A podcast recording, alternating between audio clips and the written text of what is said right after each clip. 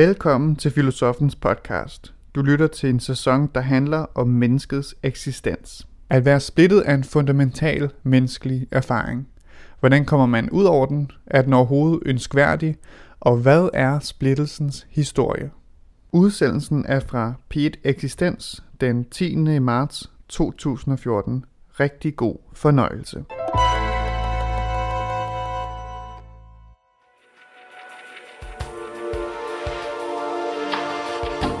Du ved det ikke, men du kan mærke, at noget er galt. Du blev ellers lovet den lykke, hvis du tegnede dig efter tidens skabelon. Men nu vågner du om natten badet i sved. Fortvivlet.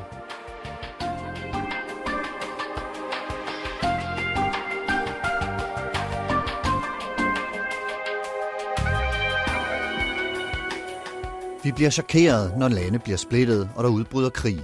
Triste, når skilsmissen rammer og familier bryder op. Og frustreret, når vi ikke kan finde hoved og hale i hverken os selv eller tilværelsen. Men vi er alle splittede. Og det vil vi aldrig holde op med at være. Splittelse er simpelthen et menneskeligt vilkår, vi aldrig kommer ud over. Både politisk, personligt og måske endda kosmisk. Der er altid noget, der ikke er faldet på plads. Og måske gør det ikke så meget.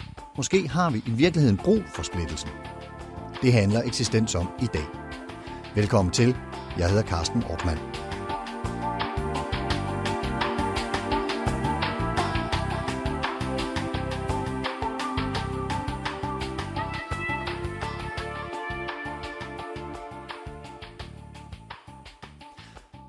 I dagens udgave af Eksistens kan du møde filosof Anders Fogh Jensen, der mener, at splittelse er et begreb og et vilkår, som vi altid bliver konfronteret med. Splittelse er aldrig noget, vi sådan rigtig kommer ud over. Jeg tror heller ikke, at man virkelig vil møde nogle mennesker, der ikke har en eller anden fornemmelse af, at der er et eller andet, der ikke er faldet på plads endnu. Jeg ved godt, der er nogen, der har en enorm sindsro, og også igennem øh, forskellige øh, teknikker når en eller anden form for ro, men jeg tror, det er et, et øh, almen, både sådan politisk og personligt og øh, ja, nærmest kosmisk, at øh, verden er aldrig øh, kommet helt på plads, og jeg tror, det er derfor, at mytologierne også handler om, at verden gik en dag fra hinanden. Og så kan du sidst i programmet møde idehistoriker Frank Bæk Lassen fra Testrup Højskole, der i 6. afsnit af Filosofi for Begyndere giver et lynindblik i filosofen René Descartes.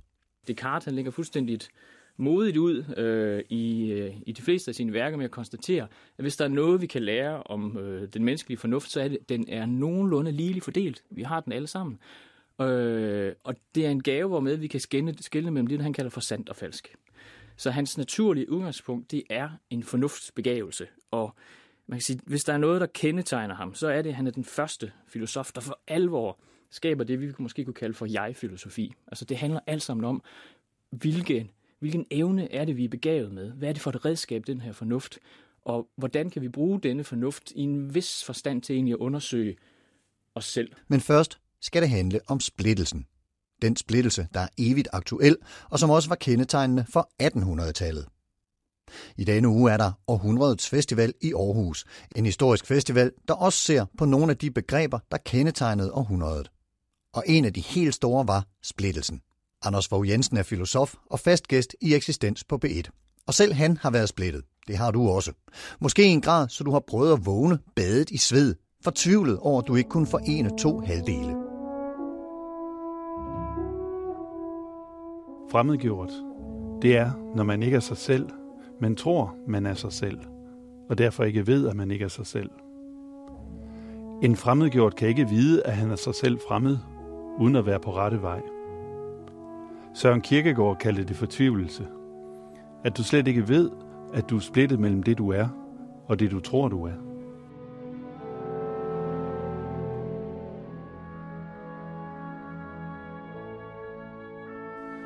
Så når du bevidstløst tegner dig af efter tidens skabelon, så skriver du dig længere ind i fortvivlelsen. Du ved det ikke, men du kan mærke, at noget er galt. Du blev ellers lovet den lykke, hvis du tegnede dig efter tidens skabelon.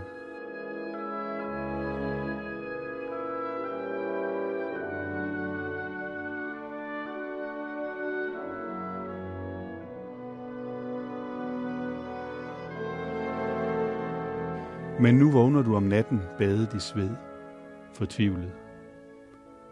Karl Marx kaldte splittelsen for fremmedgørelse. Fri er den, der former naturen i sit eget billede – men laver en bænk af træ, ud af ren lyst, og måske en til, og bytter den med en gris. Men hvis man sælger sin arbejdskraft og sliber den dims, man får besked på, har man ikke bare afhændet sin tid, men mest af alt sig selv.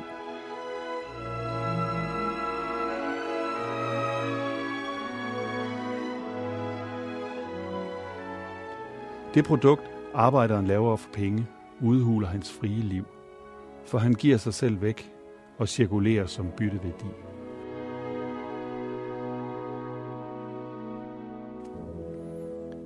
Marx lærte os, at man ikke kan blive lykkelig i et ulykkeligt samfund. Hvis man vil vikle mennesker ud, må man først vikle samfundet ud. Det stod ikke i avisen. Det måtte læses i dagens sod og nattens sved.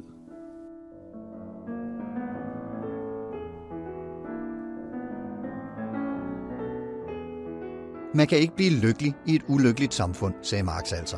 Hvis man vil vikle mennesket ud, må man først vikle samfundet ud. Søren Kierkegaard sagde, at vi slet ikke ved, at vi er splittet mellem det, vi er og det, vi tror, vi er. Og det er derfor, vi bliver fortvivlede. Fordi vi kan mærke, at noget er galt, selvom vi gør det, vi troede, vi skulle gøre for at blive lykkelige. Vi prøver alle at være fremmedgjorte, som filosof Anders Fogh Jensen siger i det her uddrag af en monolog fra forestillingen Fortællingen om en historie, der er en del af århundredets festival i Aarhus i disse dage. Splittelsen er et menneskeligt vilkår, der har rod helt tilbage i mytologien. Hvis man betragter forskellige øh, sæt af myter, altså forskellige mytologier, så er der det pussy ved det, at de næsten alle sammen starter med, øh, at der er en enhed, der ud af den vokser der en flerhed. Altså der, den verden starter med en splittelse. I den græske mytologi for eksempel, at, at øh, Gaia, jorden, laver himlen Uranus, og så er der en, en, en splittelse mellem to. Øh, I den kristne mytologi er det, at ud af Gud, som er en, en enhed, vokser der en verden ved siden af. Øhm, og man kan sige, så på den måde så har mennesket til alle tider forsøgt at forklare en eller anden fornemmelse af splittelse ved, at der oprindeligt var en enhed. Så jeg tror, at splittelse på mange måder er et universelt menneskeligt vilkår at have en eller anden fornemmelse af, at noget er delt, altså som at det kan være kløvet i to eller flere, men eller også, at det ikke at, at vi kan finde tilbage i en enhed, eller der var en enhed engang. Men betyder det så, at der altid vokser noget essentielt ud af splittelsen? At splittelse altid fører til noget frugtbart? Min kollega Bjarke Stenter spurgte filosof Anders Fogh Jensen. Ja, altså i, i mytologierne er det jo, at der var ingen bevægelse, der var ingen øh, dynamik, før der ligesom var mindst to, der kunne gøre noget med hinanden, eller være i et eller andet forhold, om ikke øh, parre sig, så være vrede på hinanden eller sådan noget. Så det er, det er vel også det, at, der, at splittelsen, hvis vi også tænker i flere end bare to, øh, mellem mennesker eller inde i mennesker, skaber nogle spændinger, der får noget til at ske. Øh, den, den sådan øh, klassiske, vi, eller mest simple splittelse, vi kan jo tænke på, ikke? det var, at noget er splittet i to, eller kløvet. Ikke? Det græske ord skitsein betyder at kløve, og det er også det, vi har i, i skizofreni, at man ligesom er, er to, ikke? og vi sådan skal øh, fortælle det mest simpelt, så siger vi, at skizofreni, det er ligesom Stevensons uh, øh, Dr. Jekyll og Mr. Hyde, ikke? at man er en person på et tidspunkt, og så er man en anden person. Men derimellem er der så en eller anden øh, øh, form for spænding. Men splittelsen tror jeg også kan være en form for, hvad kan vi sige, iturivning, eller man er, man er revet fra hinanden. Det, det, jeg synes, det tyske ord Zerrissenheit, det nærmest siger det med sin lyd, ikke? Zerrissen, at man er revet på, på en måde fra hinanden, og at det altid vil indebære en form for længsel, hvor man søger tilbage mod sig selv eller mod en helhed, blive et med noget igen, som man er, er kommet væk fra. Ja, fordi det er, jo, det er jo et ord, der har fået en meget negativ klang. Altså, det er jo noget, der har revet over. Det er noget, der, som du også siger, noget, der er gået i, i tu. Det er, den, det er den klang, det har fået. Ja. Men er det uberettiget? Øhm, man kan sige, det, ja, det, det er for så vidt, at det øh, bliver til en lidelse, så, så får det en negativ klang, og det bliver det jo, altså, romantikerne bygger nærmest en hel øh, et helt natursyn op på den splittelse. Men, men splittelse kan faktisk godt være en, en øh, drivkraft. Altså det, at Odysseus for eksempel er kommet hjemmefra, han er kommet væk fra Ithaka, nu skal han hjem, det ligger der en kraft i. Altså den, den græske måde at tænke natur på er ikke helt ligesom vores, at noget skal, kun, noget skal bevæges for at bevæge sig. Men det, at øh, Aristoteles siger, øh, fysis arke kineseos, det betyder, naturen kommer før bevægelsen. At, at det, at noget er revet væk fra sig selv, det ligger der en energi i, en trækningsenergi. Det er derfor, det er det, der trækker Odysseus hjem på en måde, og det, ligesom vi, ja, vi kan jo illustrere det med en form for magnetisme eller sådan noget. På den måde øh, er, er, der jo en kraft i splittelsen, og det er måske også den kraft, der ligesom går igen, ikke, når man giver sig til at digte over, at man, at man er kommet væk, eller en tabt enhed, der var engang, en, en, en længsel efter ikke at være splittet. Så man kan sige, det, er, det bliver meget et negativt, øh, øh, et negativt ord, men det indebærer en masse muligheder, fordi der, der oven på den her længsel efter at komme hjem, kan, kan bygges en masse.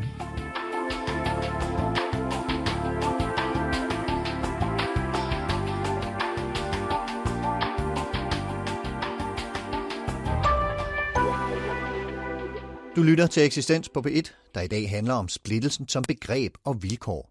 Om det, der ofte kommer ud af, at noget bliver splittet. Naturen kommer før bevægelsen, sagde Aristoteles. Det, at noget er revet væk fra sig selv, ligger der en energi i. Derfor har splittelse måske fået et uberettiget dårligt ry, siger filosof Anders Fogh Jensen. Og et af de tidspunkter, hvor det bliver tydeligt, var i 1800-tallet, siger han. 1800-tallet er en lang øh, øh, dialog over, hvad, hvad splittelsen er, og hvordan man kan komme den til livs.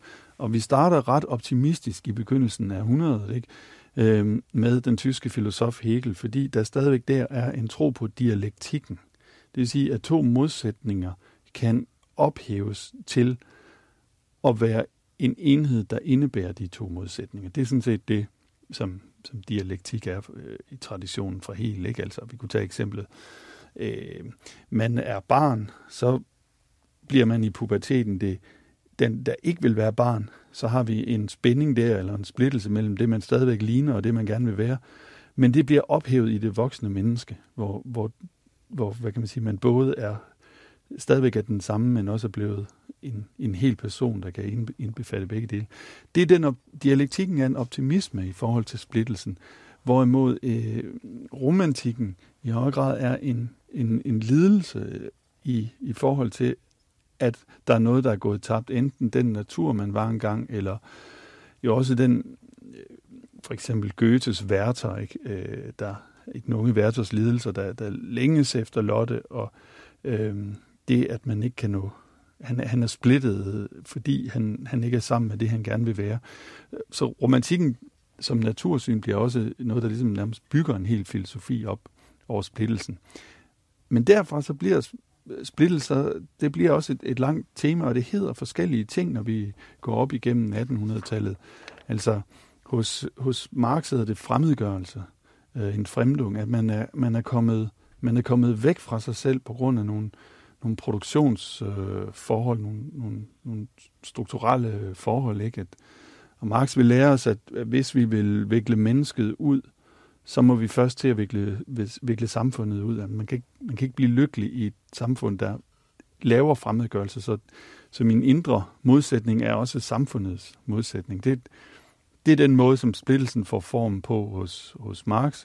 Hos, øh, hos Schopenhauer får vi, får vi den idé, at verden i virkeligheden bare er en stor vilje, men at vi ser en skinverden, hvor vi tror, at vi, hvis vi lige får tilfredsstillet noget, øh, noget af det, vi vil, noget af vores ønsker, noget af vores begær, så vil vi blive lykkelige. Men i virkeligheden vil den her vilje blive ved med at drive os. Så, så der er en, en splittelse mellem, hvad, hvordan verden fremtræder, det som Schopenhauer kalder fænomen, og så hvordan verden i virkeligheden er. Den splittelse vil man blive ved med at leve med, indtil man fatter, ligesom buddhismen, at man skal afholde sig fra at ville. Så der har vi også splittelsen som tema, og det, og det vi er i gang med her, det er virkelig også at sige, at fornuften kan ikke alene forstå så på hele verden. Så der er en splittelse også mellem bevidstheden og så sådan, som verden fungerer. Ikke? Hvor hvis vi går et århundrede tilbage i 1700-tallet, ikke, så var der en større optimisme omkring, hvad kunne man egentlig forstå? Hvad kunne bevidstheden forstå? Men nu, i gang, nu er den her række af tænkere, ud over Schopenhauer, også Kierkegaard og Nietzsche, i gang med at lære os, at vores bevidsthed i virkeligheden aldrig kan forstå verden fuldt ud. Det vil være lidt ligesom at, at proppe en, en størrelse 44 ned i en 37 sko, eller sådan noget. Den kan simpelthen ikke være der. Og det er det, som, som Kierkegaard, Kierkegaards begreb for splittelsen, det er fortvivlelse. Jeg har det også i øh, Zweiflung, altså der er noget, der er to. Øhm, og det, det som, ja, så Kierkegaards ord for det, det liv, som bevidstheden aldrig helt kan gribe om, det er lidenskaben, og lidenskaben er også i troen. Men fortvivlet er også ligesom fremmedgørelse, at man er kommet væk fra sig selv. Og Kierkegaard vil fortælle os, at vi i virkeligheden er født som værende væk fra os selv. Vi er endnu ikke vi er født som mennesker, men vi er ikke, ikke lige, går bare altså ikke ligesom med fuglen, der, der bryder ud af ægget en dag og vokser op, og så kan det flyve. Det går det anatomisk fint nok for mennesket, men det, men det, er kommet, det, det har slet ikke forstået sin egen dybde, og derfor tror det, at hvis det kaster sig ud i, i travlhed og tegner sig selv af efter tidens skabelon, så bliver det sig selv. Men det er endnu ikke sig selv, før det har forstået, øh, hvilke muligheder det har, og også sit eget øh, hvad kan man sige, Guds forhold, at det egentlig er sat af noget, der er større end sig selv, nemlig Gud. Så, den, så vil, vil Kirkegaard sige, at, at den, øh, det, vi, det vi gør for at prøve at blive os selv, er i virkeligheden øh, forfejlet? Ja, i hvert fald, ja, lige præcis. Det vi lærer, at vi skal gøre for at blive os selv. Ikke? Du, skal, du skal finde det, det studie, der lige passer til dig, eller den karrierevej, eller du skal, du skal bare være dig selv, og du skal bare mærke efter ind i dig, hvad du gerne vil. Men det er, jo, det er i virkeligheden bare, og det han vil kan være endeligt fortvivlet. Man går op i alt, alt det endelige. Man går op i at få kalenderen til at passe. Eller man er, man er hjemfalden, siger Heidegger, til, til, til det, der lige, det, der lige er nu og her. Og dermed er der en hel side i sig selv, altså hele forbindelsen til, til det uendelige, til det, man er sat af Gud, som man slet ikke har fat i. Og det, det er det, han kalder, at man er, man er fortvivlet, at man, man ikke forstår. Øh, man er splittet mellem det, man er, og det, man tror, man er. Øh, man tror bare, at man er denne tids menneske, men man er også Guds skabning, og det, det ser man ikke. Marx kalder splittelsen for fremmedgørelse. Vi er kommet væk fra os selv på grund af strukturelle forhold i samfundet. Man kan ikke blive lykkelig i et samfund, der laver fremmedgørelse, siger han.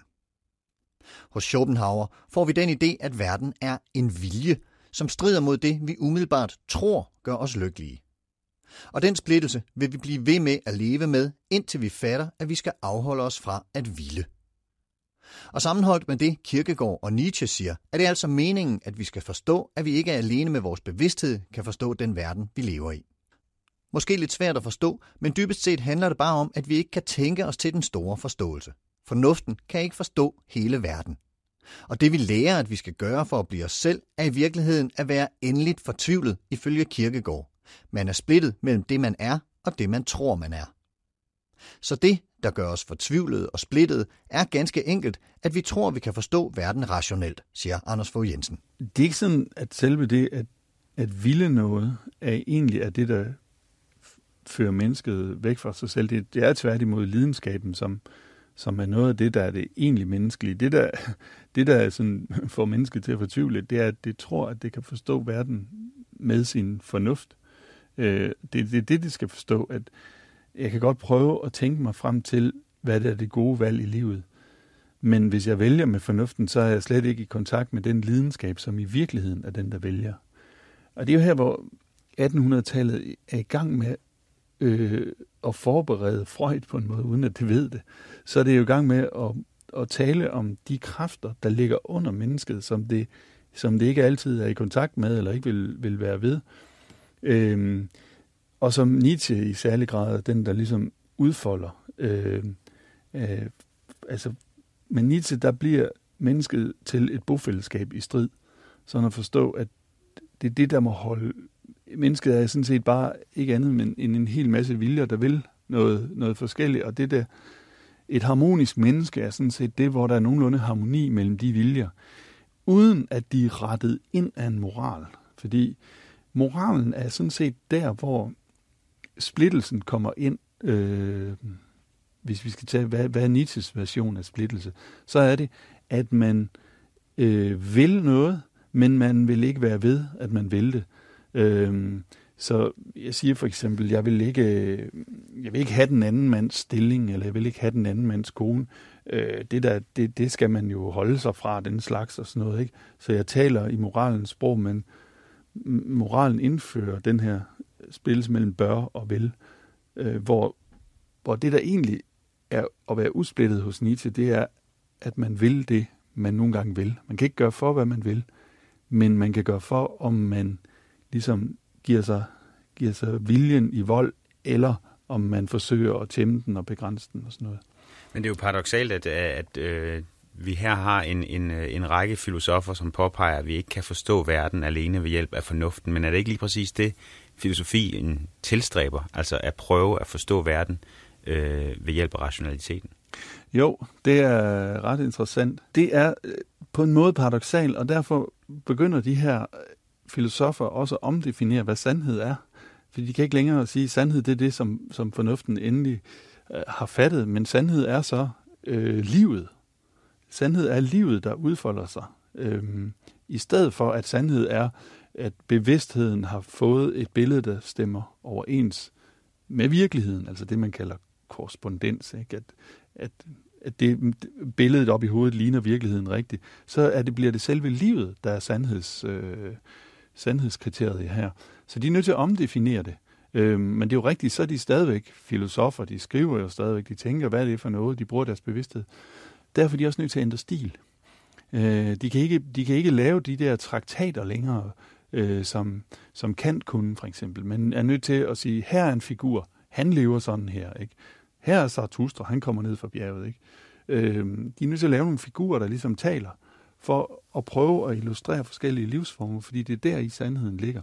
Du kan jo godt have ret i, at de, de stadigvæk skriver bøger, men de prøver så at skrive bøgerne frem på en anden måde.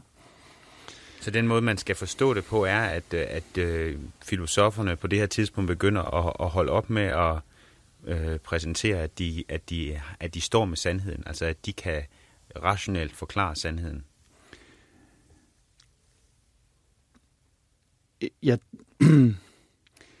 altså jeg tror ikke, at filosoferne øh, giver afkald på, at de står med sandheden, men de giver afkald på, at den kan formidles som et logisk argument, og at noget logisk argument overhovedet overbeviser nogen om sandheden. Altså det var, det var måske lidt Sokrates, altså en, en fejltagelse, vi arvede for Sokrates, at, at logikken var så stærk i sin kraft, hvorimod at, at når, vi, når, når det hvad kan vi sige, er viljen, eller livet, eller lidenskaben, øh, der ligesom er, er det, der, der er det, det menneskelige, som det må søge tilbage til for at blive, hvad kan man sige, et usplittet menneske, ja, så, så, øh, så kan man ikke længere tro på den logik eller fornuft. Så derfor begynder de også for eksempel at skrive i aforismer og sådan noget. Men jeg tror nok, at de mener, at de selv sidder med sandheden.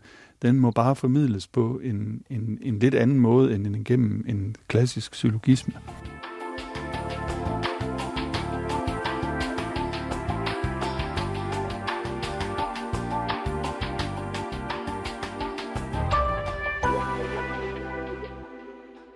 Du lytter til Eksistens på P1. Vi trækker lige vejret ind. Marx, Kierkegaard, Schopenhauer og Nietzsche. En perlerække af store tænkere, der alle havde noget at sige om splittelse. Og selvom det er paradoxalt, at de her store tænkere mente, at man ikke kan tænke sig til en forståelse i livet, så var det altså den pointe, de brugte til at forklare, hvorfor vi er splittede. Og i virkeligheden, for at sige det helt enkelt, at det er normalt at være splittet, siger filosof Anders Fogh Jensen til Bjarke Stenter. Så det Nietzsche han egentlig er i gang med at forberede med, med at begynde at se på, at der er forskellige øh, viljer, og at man kan være splittet eller usplittet, det er i virkeligheden det, som bliver en normal tilstand, når vi når os frem med, ved Freud. Ikke? Freud udgiver sin første bog, Drømmetydning, i, i 1899. Det bliver skrevet, at den, den kom i 1900, ikke? Men, men det, han laver sin arbejde der i 1890'erne, og der handler det jo egentlig om, at beskrive, at mennesket altid er splittet. At det er det mest normale, at være splittet mellem et id og et, et øh, super eller et over som vi kalder det, ikke? Og, og at jeget er den her, der skal få hele tiden leve med den her splittelse, og få den til at være nogenlunde i ro, ikke? Så man kan sige på en måde, at det bofællesskab i strid, som Nietzsche havde beskrevet, eller det, det er som mine ord for det ikke, men det flytter ind i klinikken som noget, der kan analyseres der og bliver en, øh, ja, det kan have sine patologiske former, men det er også bare helt normalt at være i splittelse. Og det, der kan man sige, der bliver videnskaben og, og romantikken på en måde forenet i det, at det bliver øh, det at leve i, i længsel efter at kunne gøre det, man ville, det bliver helt aldeles klinisk normalt. Og, og det, at det er normalt at være, være i splittelse, altså, er det, altså nu, nu er, oplever vi jo alle sammen splittelser i, i vores liv, og, og, og prøver øh, for så vidt muligt at, at undgå dem, undgå skilsmisser, undgå øh, krige, undgå alle mulige konflikter. Men er splittelse et så menneskeligt vilkår, at vi aldrig vil kunne øh, hverken øh, begrænse eller fjerne dem fra vores liv? Ja, det er jeg ret sikker på, at splittelse er aldrig noget, vi sådan rigtig kommer ud over. Jeg tror heller ikke, at man virkelig vil møde nogle mennesker, der ikke har en eller anden fornemmelse af, at der er et eller andet, der ikke er faldet på plads endnu. Jeg ved godt, der er nogen, der har en enorm sindsro, og også igennem øh, forskellige øh, teknikker når en eller anden form for ro, men jeg tror, det er et, et øh, almen, både sådan politisk og personligt og øh, ja, nærmest kosmisk, at øh, verden er aldrig øh, kommet helt på plads, og jeg tror, det er derfor, at mytologierne også handler om, at verden gik en dag fra hinanden, og så begyndte den at, og så begyndte der at ske noget. Ikke? Det er sådan nærmest også en, en narratologi, vi, et narrativ, vi, vi, vi alle sammen bringer med os. Ikke? Men betyder det så også, at, det, at, øh, at splittelsen rent faktisk øh, næsten, som, som du også siger nu, var, var inde på i starten, det her med mytologierne, altså at, den, at, at splittelsen bliver måske ikke bare et, et, et, et, et relevant erkendelsesredskab, men et nødvendigt erkendelsesredskab. Altså at vi, kan ikke, at vi simpelthen aldrig kommer til at forstå øh, hverken os selv eller den verden, vi lever i, hvis vi ikke oplever splittelse igen og igen. Ja, jeg tror, at, at, at splittede mennesker er mere interessante at tale med på en måde. Fordi der, der foregår en masse overvejelser over, hvad, hvad, hvad livet er, og hvad det er, der øh, mangler, eller hvad det var, der var godt at få, og sådan noget. Og jeg tror også, at, at vi har, har noget at lære af det her med, at livet ikke bare handler om at komme splittelsen kvidt, selvom længselen hele tiden er der, men at der også er noget med, at vi må leve med den splittelse, eller den flerhed, der er i os, alle de, de mange forskellige stemmer, der er i os. Øhm, og det kunne være også at et, et mere øh, skal jeg sige, normalt forhold til det, at man er splittet, som mere end at man bare er i tvivl en gang imellem, men også at man faktisk øh, vil mange ting. Eller, øh, det, det kunne være, at det kunne føre til ikke bare mere øh, tolerance over for sig selv, men måske også mere øh, to- tolerance over for øh, Øh, forskellige øh, befolkningsgrupper, at man, man ikke, at man ligesom renoncerer på optimismen i forhold til at skabe et fredsomligt øh, utopia. men siger, okay, det handler om at lave et samfund, hvor splittelsen har en øh, ikke for mange disharmonier, i stedet for at sige, at vores splittelsen, hvor I alle sammen forenes i konsensus. Og lige sådan, at, at det konsensus, man kunne håbe på inde i sig selv, det er også et, man måske øh, renoncerer på.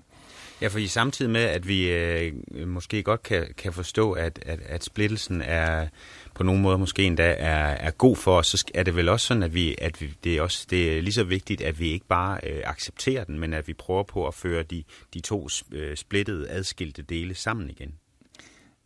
Ja, men mindre. Det, man kunne jo forestille sig, at det ville kræve, at man gjorde så meget vold på sig selv for at være usplittet, at man faktisk gjorde noget, der var værre, hvorimod man måske kunne se på, hvordan kan jeg leve med, at jeg er et bofællesskab af tre-fire stykker. Øh, hvordan, kan jeg, hvordan kan vi... Altså, nogle gange tror jeg, at man må spørge os, hvad, hvad legitimerer dette? Altså, hvad, hvad legitimerer splittelsen? Kan det ikke være, at at den, det, man kan udføre i længselens navn efter at blive hel, eller efter at lave en by i konsensus, at det, øh, det kræver så øh, hæftigt et, et øh, materiel, et, et så hæftig indsats, at det faktisk øh, ødelægger mere, end det gør godt. Og det er jo så der, hvor man, hvor man har helt, øh, helt vildt lyst til at gribe til rationaliteten og sige, jamen, øh, hvad, hvad, kan jeg så, øh, hvad kan jeg så bruge som, øh, som vidshed for, at den her splittelse skal jeg, skal jeg lade blive i, i, i et bofællesskab af tre, og den her splittelse skal jeg prøve at føre sammen igen. Altså, hvornår, hvornår skal jeg prøve at, at øh, få splittelsen til at, at holde op, og hvornår skal jeg lade den blive? Ja, det, øh, det er jo et godt spørgsmål. Jeg synes heller ikke, det er... Øh, jeg synes faktisk, det er relevant at gribe til rationaliteten. Altså, der må vi jo spørge, hvad kan vi så lære af filosofien? Ikke? Og jeg tror, jeg synes egentlig, at, at Nietzsche kommer med et meget godt bud på det i den forstand, at den siger ikke, det er jo ikke sådan, at, at det, det gode menneske er det, ikke gode i forstand moralske, men at det er vellykkede menneske. Det er ikke sådan, at det er fri fra splittethed. Men i det gode menneske, der er der en, en dominans af det usplittede vilje over alt det splittede. Øh, så det, det synes jeg må være, kunne være sådan et, et halvvejs et kriterium, ikke? at der dog er, der er ikke harmoni, men der er dog en, en, en vis integration, som måske kunne være det, det modsatte af det splittede. Ikke? det, det integrerede dominerer over det splittede. Så er det måske godt nok for et liv, ikke? men at, at altså når, når Kirkegaard siger det der med, at hjertets renhed er at ville et, øhm, og man så tror, at man først er ren i hjertet, når man kun vil brunetten, og ikke både brunetten og blondinen, altså, så, så, kan man sige, kan man, så kommer man aldrig til ende, og derfor handler det måske mere om at lære af filosofien, at det handler om at leve med splittelsen i sig, og at, at målet snarere må være, at det, det integrerede, eller det, det, det usplittede, så dominerer i en over det splittede. Så der, der er det ikke nok, som jo ellers er meget moderne øh, i dag, at, øh, at mærke efter, at mærke, øh, at, øh, at det her nu, det rigtige valg for mig. Kan jeg mærke, kan jeg mærke det her? Er det her det rigtige, at, at få den her splittelse til at gå væk? Øhm, det er jo, jeg tror øh, faktisk godt, at man kan mærke efter, om det igen er, øh, hvad, hvad er tydeligst, eller sådan noget. Men det er ikke, det er kun et rigtigt valg, hvis der overhovedet ikke er larm inden i dig. Fordi så, så, øh, så vil du aldrig kunne, kunne træffe det valg. Så jeg, det, jeg prøver ikke at sidde og sige, at man ikke, skal, man ikke skal mærke efter i sig selv. Men vi lever bare i en kultur også, hvor det at skulle mærke efter inde i sig selv, det er noget, vi meget ofte skal, fordi at de ydre, nogle af de ydre normer, nogle af de ydre kriterier til bedømmelse, de, er, de har ændret sig i løbet af de sidste øh, 100 år. Altså hvis vi går tilbage til Jane Austens romaner i starten af 1800-tallet for eksempel, så kunne man spørge veninderne, er det en god mand, ikke? Hvornår byder han en kvinde op og dans? Kan han holde løfter? Er han, øh, er han høflig og sådan noget? Ikke? Der var nogle ydre parametre, som man kunne aflæse på. Men i dag så vil veninderne sige, det er kun dig, der ved det, min skat. Det er kun dig, der, der inderst inde kan mærke det. Og det sætter os ofte i den der sådan sentimentalitets... Øh, interrogation, eller hvad man skulle kalde det, men man skal undersøge sin følelse ret meget. Og, og der må det jo så bare gælde, at, at, at, at det er okay, at, at det er klart for en, men, det, men, et, men at der overhovedet ikke skulle være larm af splittelse i en, det er nok for meget at håbe på. Men, øh, men altså det, det ender jo med så at, at, at danne sådan et, et, et måske endnu mere øh, forvirret billede, fordi at vi, at vi både øh, skal, skal gribe til rationalitet, men vi skal også vide, at fornuften ikke kan, øh, kan forklare verden, og at der vil altid være sådan en, en øh, længsel og en øh, nostalgi forbundet med den her splittelse. Altså hvad, hvad, kan, hvad kan vi bruge alle de her mange øh, 100 års øh, filosofer og tanker, der, der har talt om den her splittelse. Hvad kan vi bruge den til i vores, i vores, i vores liv i dag? Altså, gør den os bare mere splittet og mere forvirret, eller, eller, eller kan vi faktisk bruge den som en form for manual til, hvordan vi, vi øh, griber det her begreb an? Jeg, tror ikke, man kan få nogen køreplan ud af at læse øh, filosofien og de overvejelser, der er om splittelse.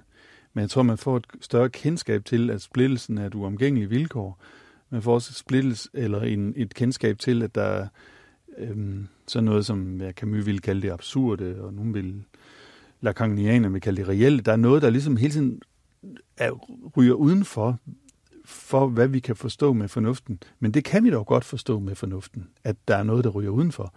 Så jeg tror, at det at læse det kan hjælpe til en større grad af forsoning med os selv omkring, at vi går rundt er splittet, og at vi går rundt og er nogen, der altid længes efter noget, som ikke er her lige nu.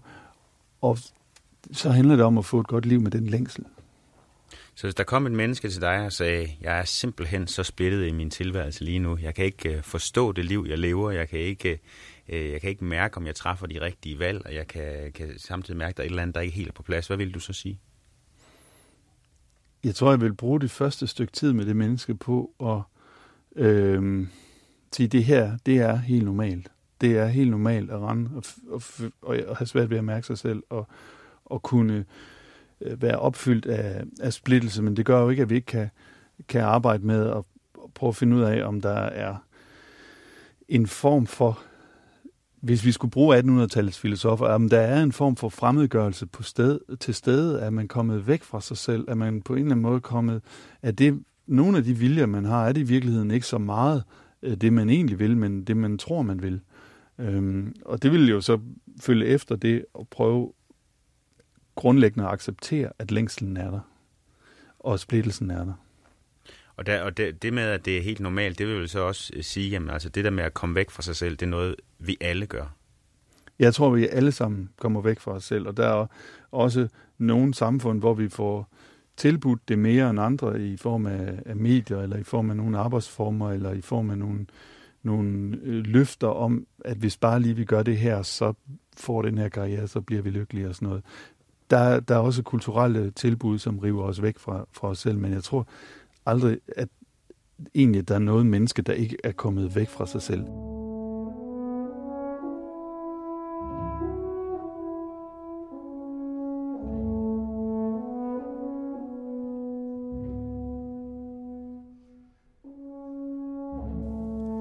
1800-tallet arvede en splittelse. Det havde alle århundreder sådan set gjort. Det var gammel kristen arvegods. Civilisationen som et bid af kundskabens træ, der skilte mennesket ad.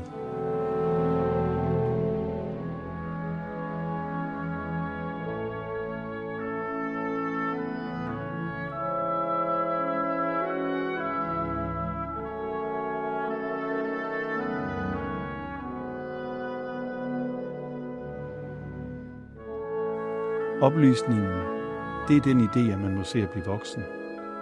At blive menneskelig ved at hæve sig over naturen.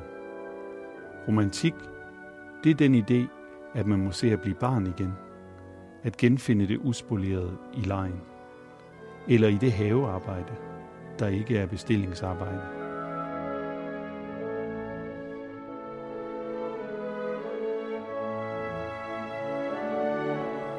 Zerrissenheit – når splittelsen opføres som lidelsesdrama, kalder vi den romantik. Drømmen om at blive helt er, at lykken kun var en passant. Romantikkens længsel løb gennem hele århundredet, side om side med videnskabernes succeser. 1800-tallet var en lang kamp om, hvad naturen var. Det store subjekt, vi kommer fra, eller de mange objekter, vi kan bemestre. Splittelsen findes. Mens romantikerne drømte om at blive et med det glemte, lagde videnskaberne deres kort hen over såret. Mens videnskaberne skilte sig ad fra tingene, prøvede romantikerne at friste sig løs fra tilværelsen.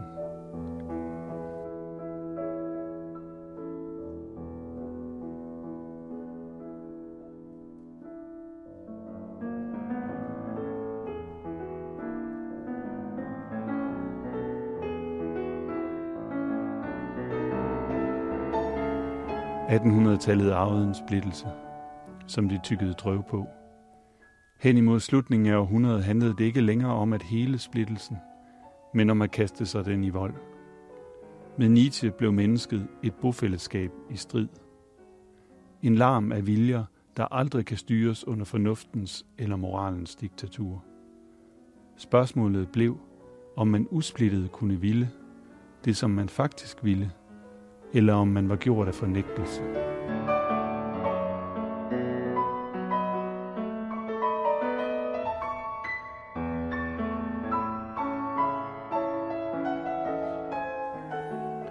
Splittet er at ville noget andet, end man vil. At man gerne ville, at man ikke begærede sin næstes hustru. Det, der startede som en bekymring over erektionen, endte som det samme menneske. Lige langt fra døende fægter og smaskende svin. Freud var den, der bar stafetten videre til os. Han tog bofællesskabet ind i klinikken og analyserede dets patologiske former. Videnskab og romantik kunne forenes med splittelsen som klinisk normaltilstand.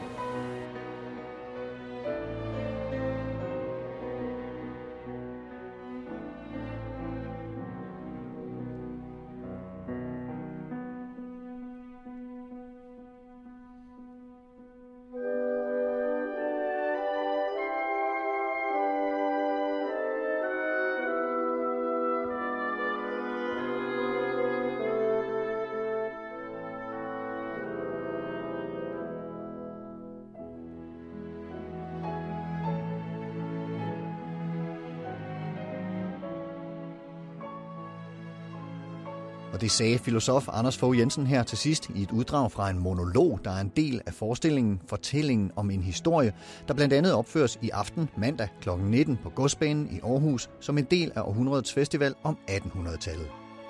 Derudover kan du opleve Anders Fogh Jensen til en række filosofiske salonger om blandt andet splittelsen på Lynfabrikken, ligeledes i Aarhus, torsdag til lørdag 19-22.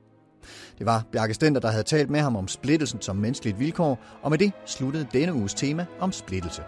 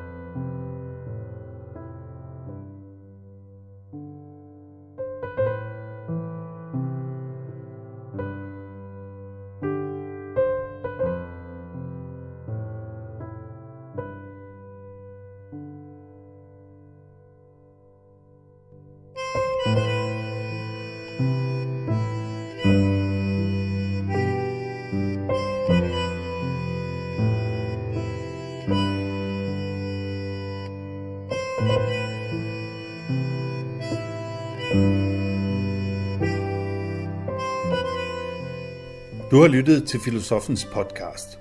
Se mere på min hjemmeside filosofen.dk og tag med mig på dannelsesrejse. Se dannelsesrejser.dk. Mit navn er Anders Fogh Jensen. Tak fordi du lyttede med. thank you